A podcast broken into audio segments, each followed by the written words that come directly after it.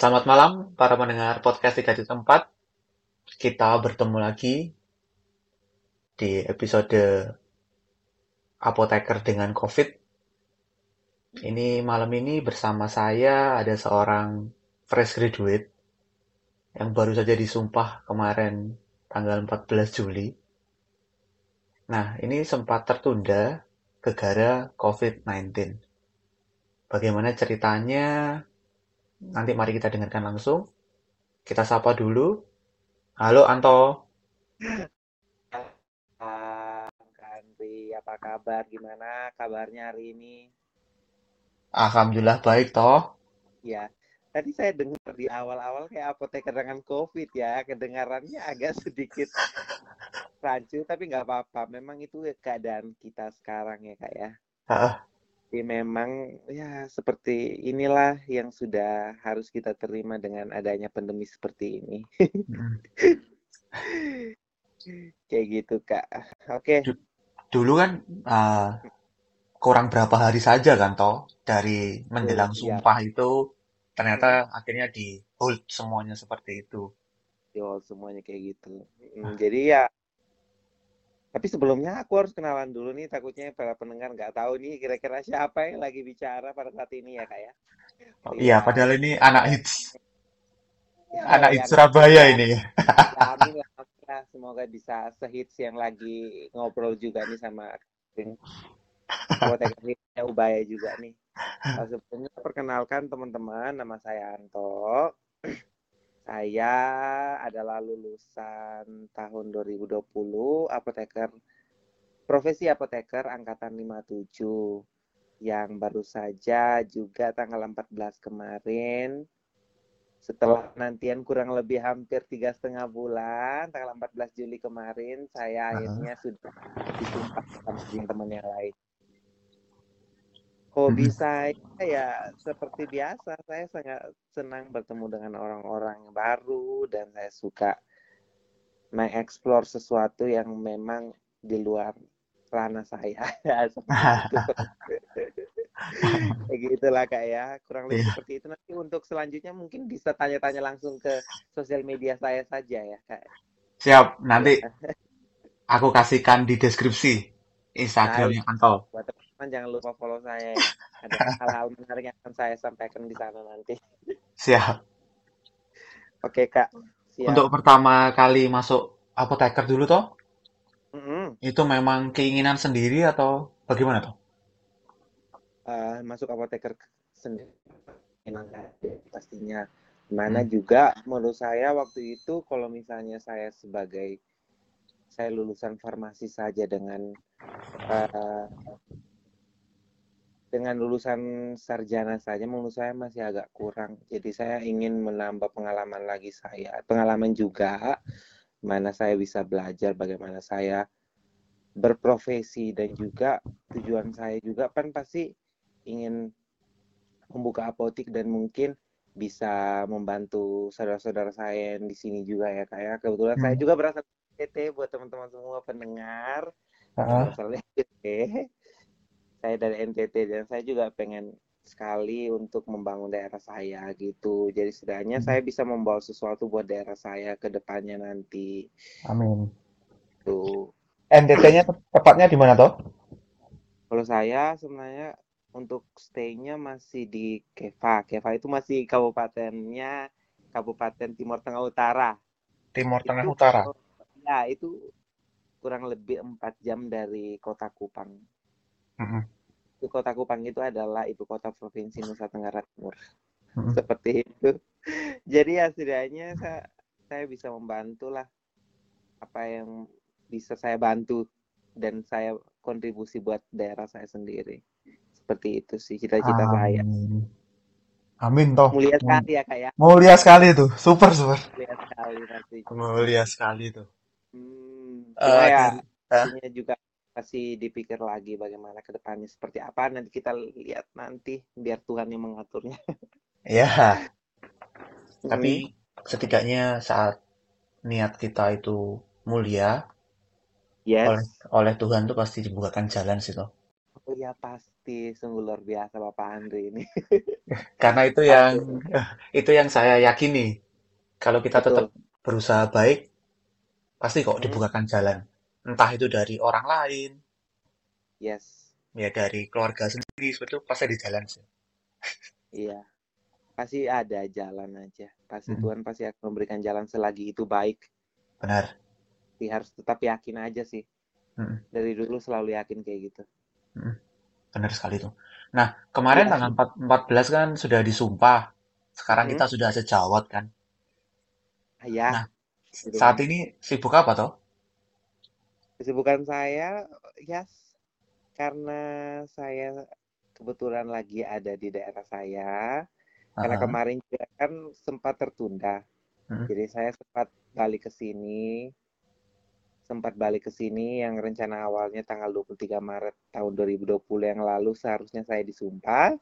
heeh. Tapi ya seperti yang dibilang Kak Andri tadi, Hamin Mm, 3 tanggal 20 diberitahukan oleh dekan kami bahwa eh, sumpah apotekernya harus ditunda karena adanya pandemi ini. mm, Jadi ya karena kebetulan saya juga posisinya di sana di sana juga belum bekerja.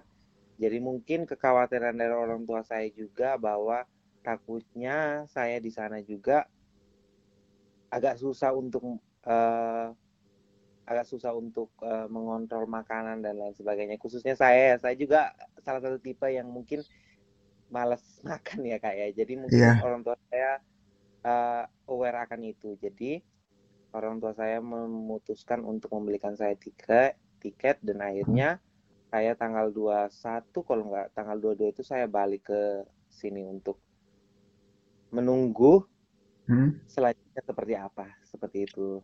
baik. Jadi untuk beberapa ya, ya jadi ya seperti apa ya Kak? Jadi sesuai tidak sesuai dengan yang direncanakan sih. Cuma ya mau gimana lagi? Ini yang sudah Tuhan atur buat kita. Setiap Benar. rencana yang udah kita bikin walaupun seindah apa pun itu tetap kalau Tuhan bilang no ya sudah kamu harus bisa legowo dan emang harus tetap siap dengan segala kemungkinan yang bisa terjadi kepada hidupmu sendiri itu yang sih aku pelajari selama ini jadi ya Mm, udah aku berusaha untuk sabar sabar dan sabar mm, akhirnya aku sampai di sini dan kegiatanku adalah membantu orang tua mm. sungguh tapi Mulia sekali ini. Malahan. sangat ya kan saya sangat mulia sekali. apa Apalagi kalau membuat orang tua tersenyum kan toh? iya pasti jadi kebetulan juga saya kan saya juga jarang pulang untuk libur kan kak jadi Ah, setidaknya saya bisa pulang dari rencana awal saya habis UKAI itu kan sudah setidaknya udah kerja lah ya ah, tapi nggak ada rencana sama sekali untuk balik cuma ah. akhirnya ya aku eh, aku dan orang tua aku memutuskan untuk balik ya udah nggak apa-apa setidaknya aku bisa melihat mereka Iya. sebelum Mm-mm. Anto ini anak pertama atau keberapa toh? saya anak ketiga dari tiga bersaudara kak Oh, paling kecil Anto berarti. ya anak paling bontot Eh, Paling bontot. yes Kalau saya dengar dari pertama tadi, niatnya adalah memuliakan, eh, ingin memajukan daerah oh ya. ya ya Jadi Kev Keva ya, di kota Keva ya, Toh ya. ah, kota Keva tepatnya Berarti kan cuma planningnya, ya ah, planningnya di masa depan adalah bertahan di Keva kan toh? Berarti. eh kemungkinan seperti itu. Mm, juga kebetulan juga tempat lahir ya. Heeh, jadi juga sudah nyaman sama tempat lahir sendiri dan juga eh, apa ya karena memang notabene orang tua papa mama juga bekerja di sini. Jadi mungkin belum ada rencana untuk pindah ke Kupang sih. Tapi nggak tahu depannya Pak. Tapi cita-citaku seperti itu Oke. oke intinya Di, itu ah, rencananya ada, eh, kan tadi membuka apotek membuka apotek rencananya. dan mungkin ada beberapa entah ya ada hal-hal yang ingin saya gapai di sini cuma entah nanti kita lihat nanti we'll see Siap, sih.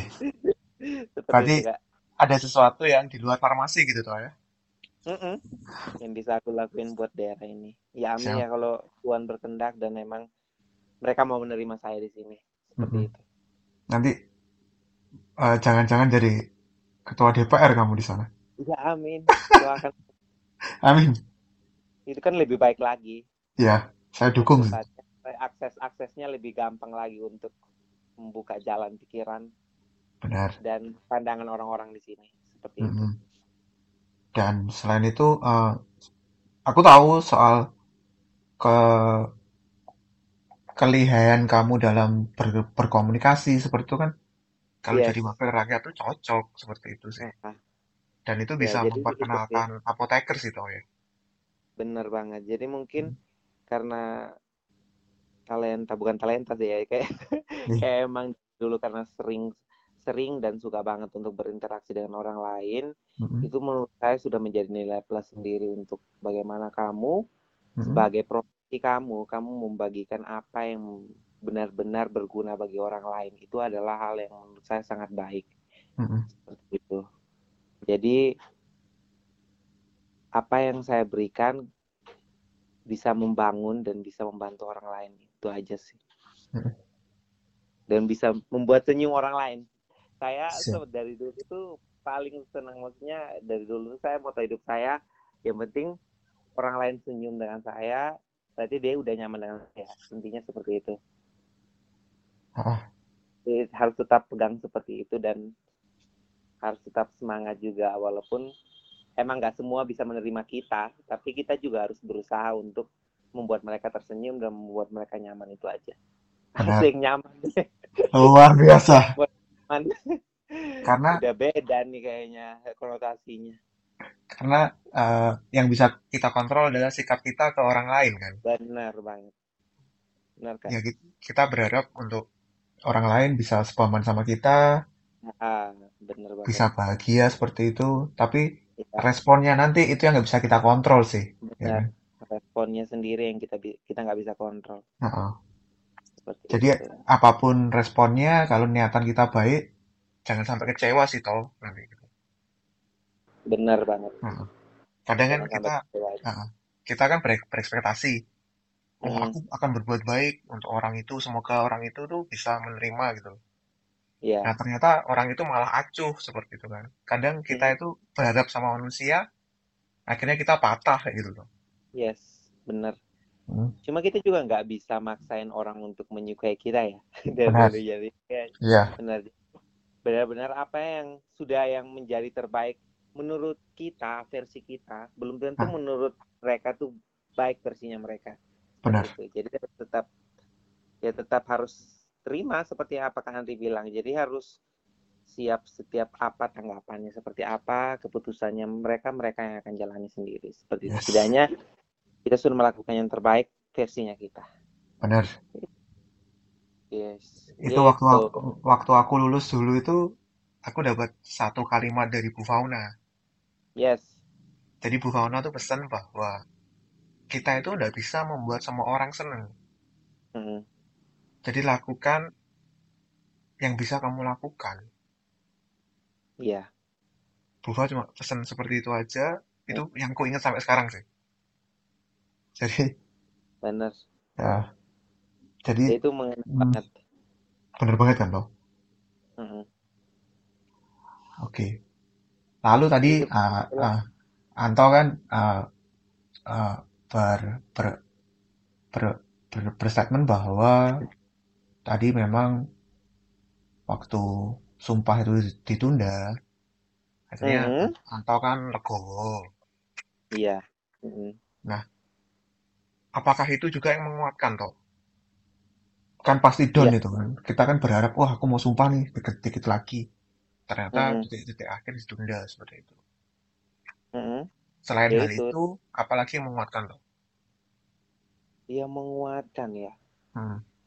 yang menguatkan saya sih salah satunya adalah orang tua Hmm. saya juga kebetulan karena Hmm. memang saya adalah tipe orang yang mungkin eh, kalau misalnya kalau diajak ngobrol sebenarnya sih saya, saya saya diajak ngobrol terlalu lama juga agak sedikit agak sedikit mempesankan bagi saya Hmm. Heeh, Cuma kan karena orang tua saya saya juga jarang ketemu. Ya heeh, namanya juga perantauan ya Kak ya. Jadi kayak benar-benar saya merasa yang menguatkan saya adalah orang tua saya sendiri. mhm, Dengan saya adanya di sini saya bisa oh iya mereka sudah semakin menua dan saya juga sudah semakin dewasa di mana mhm, saya bisa bersikap dan saya juga harus berpikir oh iya apa yang mereka butuhkan apa yang butuhkan dan apa yang mereka inginkan dari saya saya bisa gali lebih dalam sih. Mhm, selama masa pandemi ini selama masa karantina ini saya bisa banyak belajar dari mereka juga dan mereka mhm, yang selalu menguatkan saya. Kalau tidak ada mhm, yang mustahil bagi Tuhan dan pasti ada saja yang sudah Tuhan sediakan buat kamu. Jangan pernah khawatir. Masa depan sudah Tuhan siapkan. Seperti itu. Jadi itu yang tiap hari saya juga, oh iya, tidak apa-apa. Sabar, sabar, dan sabar itu adalah kunci utama saya menjalani aktivitas saya sehari-hari di masa saya menunggu waktu sumpah tanggal 14 kemarin. Seperti itu. Luar biasa sih. Uh, jadi benar-benar bukan bukan ya, pengeluhan saja yang keluar, tapi setidaknya ada hal yang menurut saya Tuhan ajarkan buat saya juga seperti itu kak. Mhm, Luar biasa itu. Ya sangat luar Se- biasa bagi saya. eh, itu Uh, seperti apa? eh, untuk seseorang yang memang masih muda, mm-mm, itu untuk berpikir seperti itu juga tidak banyak toh. benar, Ya, apalagi ini eh, ada sisi rohani juga seperti itu. ya seperti Ya, itulah. jadi eh, kita menerima dengan apa yang Tuhan berikan jadinya. gitu. Untuk Mm-mm, seorang Iya anak benar. muda eh, berpikir seperti itu tuh sungguh luar biasa sih. Kamu dewasa banget sih. Ya begitulah maksudnya Heeh. dengan keadaan seperti ini juga dengan uh, notabene kakak kakak saya juga sudah bekerja semua Hmm, Dan pasti orang-orang pada mikir, Allah kamu loh anak bungsu, ngapain mikir lagi? Kan tanggungan tanggungan orang tuamu tinggal kamu, jadi nggak perlulah kamu buru-buru buat kerja dan sebagainya. hmm, Cuman masalahnya posisinya saya adalah anak laki-laki di mana saya juga punya tanggung jawab ke depan sebesar apa itu kan juga pasti bakalan menjadi beban buat saya sendiri kan kak ya. ya. benar. Nah, seperti itu. Jadi nggak bisa kakak-kakak saya menjadi patokan untuk saya bersantai-santai dan tidak memikirkan masa depan saya ke depannya bagaimana seperti itu. Hmm, Karena mereka juga ada tanggungannya masing-masing dan juga mereka juga punya bebannya masing-masing dan hmm, pastinya setiap orang punya apa yang menjadi tanggung jawabnya masing-masing Kak. Jadi saya juga harus tetap berpikir bagaimana saya bisa menata masa depan saya lebih baik lagi seperti itu. Dan memang benar anak laki-laki, nanti kita ke depan punya keluarga. Benar. Dan pasti kita juga harus berpikir ke sana kan Kak ya. Ya, rencana itu mau merit usia berapa? ya nggak muluk-muluk kayak kayak 28, 29 lah amin lah kayak ya. Tapi Amin. ya kembali lagi ke Tuhan sih. Sekarang berapa? 24 atau 23? Kak nanti Agustus lagi eh, Agustus nanti 24. Loh, kamu sama-sama Agustus. Tanggal berapa Agustus? Ya, saya tanggal 8 Kak. Aku 16. Kita sama-sama Leo Oh berarti. iya. Sama-sama Leo nih bahaya. Iya, sama-sama Leo. Aduh. Udah Makanya ada kok. bintang baru loh, tapi entah entah apa bintang barunya itu. Katanya udah nggak ada Leo lagi. Cuma belum nggak nggak terlalu begitu ikuti sih Kak. Jadi ya Mm, udahlah, whatever. Iya, tidak tidak berpengaruh ke kita juga Tidak soalnya. berpengaruh kayak kita juga ya. Udah, kita semakin menua pastinya. Iya, apa pun itu ya udahlah. Ya udahlah, let it flow aja. Heeh. Eh, kayak gitu Kak. Nah, Jadi heeh. Buat teman-teman semua, buat kaum-kaum muda zaman sekarang harus tetap berpikir bagaimana mereka, bagaimana kita bisa mengerti orang lain, terutama orang tua kita, Hmm, seperti itu. Dan juga harus tetap menata masa depan dan tetap yes. berpikir ke depan seperti apa. Kayak gitu. Oke. Jangan bersantai-santai. Hmm. Intinya itu sih, Kak. Saya tambahi sedikit tadi Oke. ya memang uh, kita dan kita tidak hanya hidup di masa sekarang. Yes. Kita nanti akan hidup di masa depan. Mm-mm. Sehingga jangan habiskan semua energimu di masa sekarang tanpa mempersiapkan masa depanmu. Ya, benar sekali. Misal, kamu akan foya-foya di masa sekarang. Oke, Iya. usiaku masih muda. 25, 26, seperti itu. Nanti di usia 27, kamu akan menyesal. Kenapa ya dulu aku nggak bekerja keras? Sekarang di usia aku 27, gajiku cuma UMK kayak gitu misalnya. Mm. Nah, sekarang aku harus merit kayak gitu loh. Masa Iya, aku mau ngikut, ngikut orang tua terus itu maksudku. benar. Ya itulah, ya masalahnya kayak gitu. Jadi pastilah namanya penyesalan pasti akan ada datang selalu di Nah, tapi bagaimana kita harus berubah mindset sesegera mungkin. Itu yang sangat dibutuhkan. Bener. Dan itu yang ter hmm, dan itu yang beberapa yang kulihat ke anak-anak muda zaman sekarang kayak gitu. Mm-mm. Yes. karena orang tuanya kuat kayak gitu sehingga dia kerjanya tuh kadang kurang serius. Ya, benar. Udahlah, orang tua aku tajir kok kayak gitu. Nanti aku juga dapat warisan kayak gitu. Benar.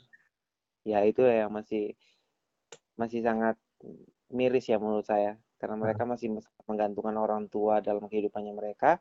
Sedangkan mereka nggak mikir nanti, nggak mungkin orang tua bakalan membiayai dia dan bakalan, ya amin lah. Maksudnya kalau turunan kaya dan hmm, mereka berkecukupan masih Iya, bisa lah ya. Nah kalau misalnya ya amit-amit cabang bayi nih ya, maksudnya hmm, kayak ada suatu hal yang menimpa mereka dan membuat mereka kesusahan, hmm, itu pasti suatu saat mereka bakalan mikir, oh iya, kenapa aku nggak berusaha dari dulu seperti itu. Jadi ya kayak gitulah kak. Jadi kita nggak mungkin roda itu berputar ya, ya kayak seperti orang-orang pada umumnya ngomong roda itu berputar kita nggak mungkin selalu di atas kita pas dulu aja kayak gitulah bener, bener sekali sih. Apalagi dalam kondisi pandemi kayak gini, Mm-mm. kan ini juga berasa akhirnya. berasa sekali Yang pendapatan berkurang, lalu Mm, cicilan tetap benar jalan, kayak gitu loh. Itu kerasa banget sih. Akhirnya gaya hidup yang menghabisi kita, gitu loh. Mm-mm. seperti itu Gitu sih. Lalu, bukan segi kesehatan aja tapi dari ekonomi dan lain sebagainya juga pun itu sangat berpengaruh ya sa- sa- sangat berpengaruh. mm. Nah, nah kayak gitu oke kemarin itu lanjut kan pada awal-awal masa pandemi itu kan aku butuh satu apoteker lagi kan di tempat aku bekerja. Nah, di tempatku sih kalau memang dibutuhkan itu masih ada rekrutmen kayak gitu. oh iya uh-uh. Nah, uh, menurut Anto uh, pasti pasti berpengaruh seperti itu. Jadi uh, lowongan pekerjaan itu akan berkurang seperti itu. Nah, menurut Anto bagaimana menyikapinya kayak gitu loh. Lulusan ini banyak, tapi di masa pandemi ini lowongan jadi lebih sedikit. oh lowongannya lebih sedikit ya Mm. jadi menurut saya Mhm. memang sih uh, dengan adanya pandemi seperti ini juga kita harus tetap lebih bersabar ya Pak. Ya, kembali lagi ya sabar Heeh, menurut saya. heeh, Karena memang sebenarnya seperti yang kita lihat kenyataannya untuk lowongan-lowongan pekerjaan sendiri pastinya semakin sedikit dan semakin sedikit juga peluang kita untuk masuk ke dunia pekerjaan di mana mhm, juga bukan hanya dari dari kesehatan aja tapi yang apalagi yang yang dari bidang-bidang lainnya itu menurut saya sangat berdampak. Mhm, ya dari logistik dan lain sebagainya juga karena menurut eh, karena bukan bukan menurut saya kurang kurang kurang terlalu apa ya kurang terlalu berpengaruh ya dari pandemi ini. Cuma memang belum belum belum terlalu digunakan seperti mungkin kayak pabrik-pabrik baju dan lain sebagainya yang mungkin itu adalah kebutuhan-kebutuhan tersier yang memang menurut saya belum belum harus dan belum tentu harus dibeli setiap saat seperti itu. Nah, sedangkan kita juga apoteker mungkin uh, jadi seperti yang Kandi mau kok Kandi Kandi rasakan di mana lamanya juga mencari mencari lowongan eh mencari apoteker juga masih sangat susah ya sampai sekarang ya kayak. Ya? Kalau kami uh, kalau aku dulu uh, ada ada yang masukin tetepan. Oh iya, terus? Uh, akhirnya kita dapat satu. Dapat. Uh. Tapi kan uh, pada masa pandemi ini kan juga banyak yang banyak uh, kantor juga yang merumahkan karyawannya seperti itu. Akhirnya dampaknya kan lowongan semakin sedikit dan lowongan semakin sedikit. orang banyak di rumah. Sedangkan rumah. lulusan ini tambah banyak seperti itu. Mm -mm. Lulusannya semakin banyak. Jadi mm. ya ya seperti kita lihat pendidikan juga tidak berhenti. Jadi Benar. mereka juga tetap melakukan kuliah online, uh. bimbing online dan sebagainya, pastinya mereka akan tetap terus berjalan sesuai sesuai dengan sesuai dengan apa yang menjadi tugas dan tanggung jawabnya mereka seperti itu. Jadi hmm. tidak dapat dipungkiri pasti lama kelamaan orang-orang hmm. akan segera lulus dan tanpa mengiraukan apa pun aku aku aku lo nggak harus lulus ya mau gimana lagi mau online ke mau offline ke pokoknya mereka harus lulus ya pastinya banyak di lulusan-lulusan di luar sana yang masih sangat banyak gitu loh dan hmm. sangat membutuhkan pekerjaan seperti ini. Benar. Nah, jadi kayak jadi ya dampaknya tuh sangat luar biasa. Jadi ya mungkin kalau kondisi-kondisi seperti ini pasti kita harus berbalik berbalik dan berpikir lagi ke depannya. Oh iya, mungkin saya harus berwira swasta atau hmm. lain sebagainya yang mungkin bisa memutar otak untuk menghasilkan uang seperti itu kak. Oke. Okay. Nah. Ya lah harus berani berani berani keluar dari comfort zone-mu juga seperti hmm. itu. Oke, okay. aku mau nyambung dulu soal kuliah online tadi. Mm -hmm. Kuliah Men online. Menurut opini Anto, seberapa efektifkah kah soal kuliah online ini? Walaupun memang tidak ada pilihan lagi seperti itu. Iya. Ya, menurut saya seefektifnya suatu kegiatan pembelajaran pastinya tergantung dari anaknya juga ya. Uh. Cuma memang karena menurut saya euforianya saja yang berbeda, di mana yang kita tiap hari kita bisa bertemu, kita bisa saling ajak diskusi tanpa harus memikirkan paket data, wifi dan lain sebagainya. Itu menurut saya itu sudah udah udah gratis Tuhan berikan buat kita gitu loh kak. Jadi nggak perlu hanya cukup mengeluarkan suara dan tenaga untuk berdiskusi dan lain sebagainya. Jadi memang sangat berpengaruh sih dan mungkin perbedaannya sangat signifikannya dengan yang kuliah offline ya kak ya. Benar. Jadi mungkin menurut saya uh, bukan kurang efektif ya bukan kurang efektif mungkin belum efektif bagi hmm. kita karena memang belum orang-orang Indonesia khususnya belum terbiasa dengan adanya seperti ini. Mm-hmm. Seperti yang kita lihat juga kak, uh, pengalaman saya sih di sini kak. Jadi hmm. karena mm. mungkin di sini juga agak susah untuk akses internet dan lain sebagainya dan juga misalnya seperti sekolah-sekolah, uh, sekolah-sekolah kalau untuk anak kuliah sih maksudnya nggak masalah ya. Maksudnya mm. mereka sudah mereka sudah ada HP Android dan juga pasti sudah memikirkan untuk pakai data dan sebagainya. Terus hmm. bagaimana yang misalnya kayak uh, mereka masih SMP, SD dan lain sebagainya yang mereka benar-benar diliburkan dan benar-benar tidak ada proses pembelajaran pembelajaran sama sekali. Dan hmm. mereka juga kebanyakan juga tidak mempunyai HP seperti itu. Hmm. Nah, sehingga para guru-guru di sini juga pasti bakalan memikirkan bagaimana caranya mereka bisa menjangkau mereka, menjangkau anak-anak ini semaksimal mungkin.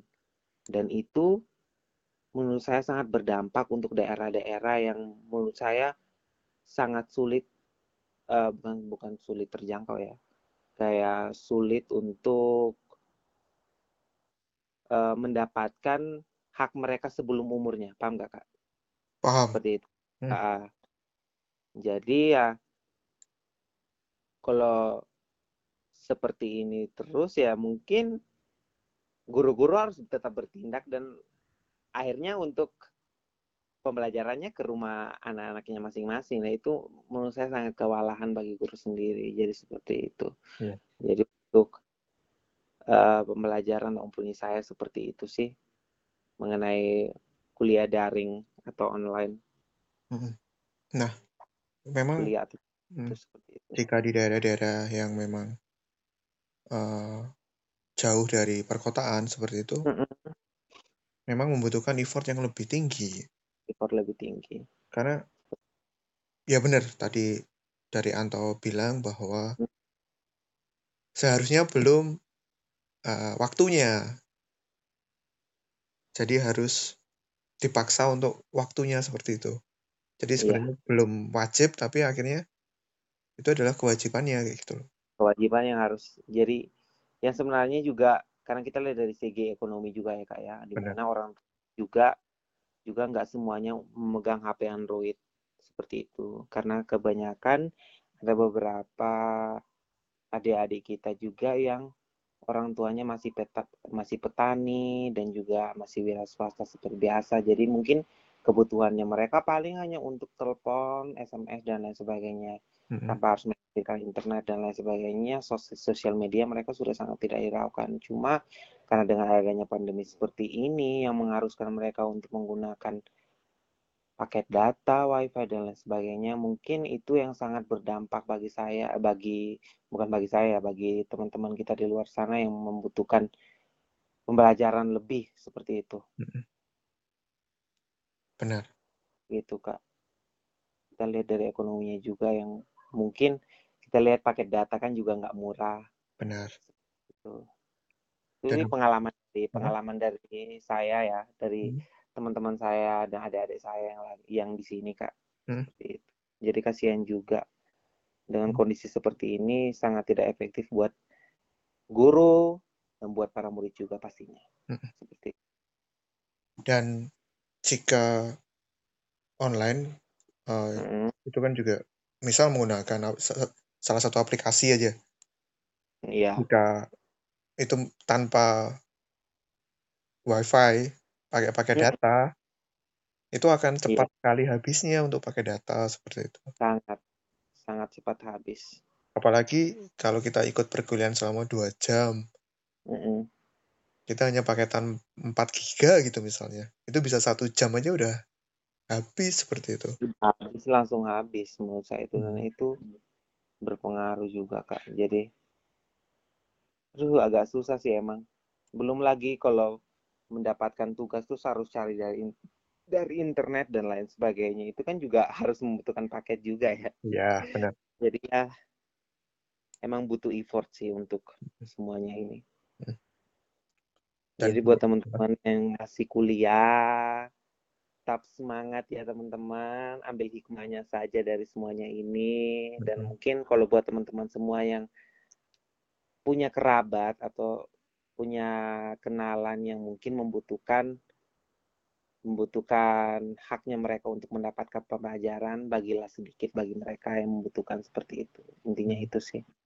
Membantu lah, ajak ke rumah lah. Ayo sini main wifi, cari tugas dan sebagainya. Sedekah kayak gitu aja sih. Mm-mm. Gitu. Dan terkait itu, tadi aku sempat baca di Twitter Mm-mm. terkait pakai data itu. Jadi Mm-mm. ada ibu dari or- orang tua, Mm-mm. ibu dari orang tua, ibu dari anak. Oh iya ibu dari anak. Oh, Iya, iya. ibu dari anak. Anaknya ini Dari anak. SD. Mm-mm. Jadi dia belajar mengajarnya itu lewat online kan. Yes. Karena ibu ini dari eh, segi ekonomi yang kurang mampu, Mm. mau nggak mau sampai mengutang Waduh, iya. Untuk membelikan pakai data anaknya agar bisa Mm. sekolah kayak gitu. itu sungguh mulia sih. Hmm. Cuma ya resikonya cukup besar juga. Kalau Iya. sampai harus.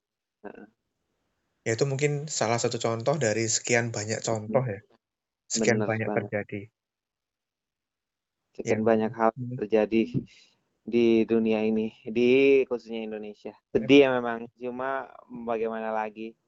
Pasti itu semua akan terjadi. Setiap orang tua pasti tidak mau ingin anaknya bersedih dan pasti akan berusaha semaksimal mungkin untuk anaknya, bagaimana dia mendapatkan haknya seperti itu. filosofi orang tua adalah Heeh. uh, kalau bisa berikan kaki sama tangannya Iya, dia Gitu. kayaknya udah dulu tuh. Untuk anaknya gitu. Iya. Ya, maksudnya ya, saya juga bersyukur lah setidaknya saya sudah habis dari segala hal yang berkaitan dengan kuliah dan lain sebagainya kayak jadi ya bersyukur tidak merasakan apa yang dirasakan teman-teman. Tapi ya tetap semangat lah pokoknya teman-teman ya. Jangan tetap, jangan patah semangat intinya. Oke oke. Ya, memang kayak karena timingnya aja yang kurang tepat. Tapi nggak apa-apa. Ingat waktu Tuhan adalah yang terbaik. Semangat. Benar. Dan ini bukan di Indonesia saja. Iya. Di seluruh dunia memang seperti ini. Dunia seluruh dunia seperti ini. Hmm. Kayak gitu. Oke. Seru sih toh perbincangan malam Seru ya. Gak apa-apa. Seneng banget kayak kayak gini. Sebenarnya kan kita juga bisa sharing apa yang harus kita berikan buat orang lain. Kayak itu yang seperti tujuan utama saya. Benar. Lebihnya buat teman-teman yang mau menerimanya seperti apa, monggo.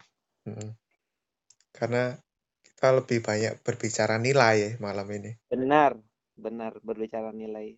Nilai-nilai sih yang lebih- kita punya. Itu adalah hal yang menurut saya hal awal yang harus ditanamkan dalam diri kita sendiri Benar. sebelum memulai semuanya. Benar. Setuju banget aku. Yuk, i country. Oke, kalau gitu eh, satu summary dari pembicaraan kita malam ini apa toh? Aku sampai bingung ya mau ngomong apa summary. Nah, Qu- Quote atau pesan kayak gitu satu kalimat. bikin. Gimana? Satu kalimat untuk summary pembicaraan kita hari ini boleh quote, boleh nasihat kayak gitu. Oh ya, Nobel. Aku bukan motivator. Bukan apa-apa. Aku hanya manusia biasa yang mungkin lagi terkena pandemi. dampak ya, bukan terkena ya. Iya, dampak. Yang sampai lah ya. Kayak gitu ya. Mm-mm. Apa ya? Intinya, Hah? jangan pernah menyerah. Harus terus bersabar. Dan tetap ikuti kata hatimu. Dan jangan pernah takut masa depan sudah Tuhan atur bagi kamu. Itu aja. Luar biasa. Luar biasa. Tepuk tangan aku kalau bisa tepuk tangan, tepuk tangan ini. Wih, pasti teman-teman saya yang dengar saat ini pasti mereka mikir sudah sejak kapan Anto kayak gini ya. Pasti mereka udah mikir kayak gitu. Cuma hati-hati aja kalian belum tahu sisi lain dari Anto seperti apa. Ternyata setelah ngobrol ini, aku tahu Anto tuh seorang rohani banget ya, agamis ya. Aduh, enggak sih, enggak Iya. rohani-rohani apaan sih. Maksudnya ya setidaknya aku belajar dari pengalaman lah. Kayak gitu. Oke, Peng-? Pe- Pengalaman apa yang paling ngerubah mindset kamu tuh? Apa ya? Pengalaman apa? Dalam bidang apa nih, Kak? Eh, yang paling besar merubah mindsetmu sih? Berdampak kepada perubahan mindsetmu. Ada ke suatu kejadian nggak? suatu kejadian sih enggak sih ya kak ya mungkin karena saking banyaknya yang banyak hal yang saya pelajari ketika saya juga memulai memutuskan untuk merantau ke Surabaya sendiri itu sudah menurut saya suatu pengalaman yang luar biasa dan juga saya berusaha untuk keluar dari apa yang menjadi zona nyaman saya sendiri. Itu dari awal itu sudah saya tanamkan. Kemudian saya juga banyak belajar uh, dari teman-teman saya, bagaimana saya bersikap kepada orang lain, bagaimana saya bisa uh, menyesuaikan dengan lingkungan yang baru, dan juga bertemu dengan Kak Andri pastinya yang menurut saya juga sungguh luar biasa dan sangat sangat memotivasi bagi saya mo- motivasi anak-anak muda zaman sekarang untuk terus berusaha dan terus menggapai mimpinya mereka sesuai dengan passionnya mereka ya pastinya kak ya Iya. kayak gitu. Hmm. Nah, jadi ya yang mengubah saya adalah itu. Jadi perlahan-lahan Hmm. dengan banyaknya hal yang terjadi dalam kehidupan saya, dengan saya eh, bergaul seluas-luasnya, dengan bertemu dengan watak orang yang berbeda-beda ya tiap harinya ya, seperti itu. Jadi ya itu yang mengajarkan saya banyak hal yang mengubah mindset saya bahwa oh iya saya nggak sendiri, saya punya orang lain yang bagaimana saya juga harus melakukan yang terbaik buat mereka intinya. Kembali lagi kan ke awal kayak Iya. gitu. itu sih yang merubah mindsetku. Jadi itu Hmm. saja. Sampai bingung mau ngomong apa. Kalau aku dengar Padahal dari udah summary ya tadi ya. Hah? Padahal udah summary tadi. Tambahin-tambahin lagi sama saya. Iya. dari awal sampai akhirnya aku eh, bisa nangkep beberapa Mm-mm. eh, hmm, ya kamu pengen bermanfaat bagi orang lain sih. Tuh. Ya. Ah. intinya di situ sih. Hebat sih. Ya. Ya aku berpesan la- eh, la- lanjutkan apa yang kamu mulai Mm. dan jika memang ingin bermanfaat bagi orang lain pasti ada Yes. jalannya kok. Itu dia. Nah. Aduh, thank you, thank you, thank you. Pembicaraannya sungguh luar biasa malam ini Nah. ya. Jarang-jarang ya kalau kita ngobrol pasti ngobrolnya pasti di luar konteks ya. Di luar konteks. Kalau malam ini sungguh luar biasa. Heeh. Hmm, Oke, demi nanti- tiga empat podcast ya. Terima kasih sudah mendengarkan. Sebagai dukungan kamu untuk podcast 3.4, jangan lupa pencet share dan bagikan ke teman-temanmu. Sampai berjumpa di episode berikutnya.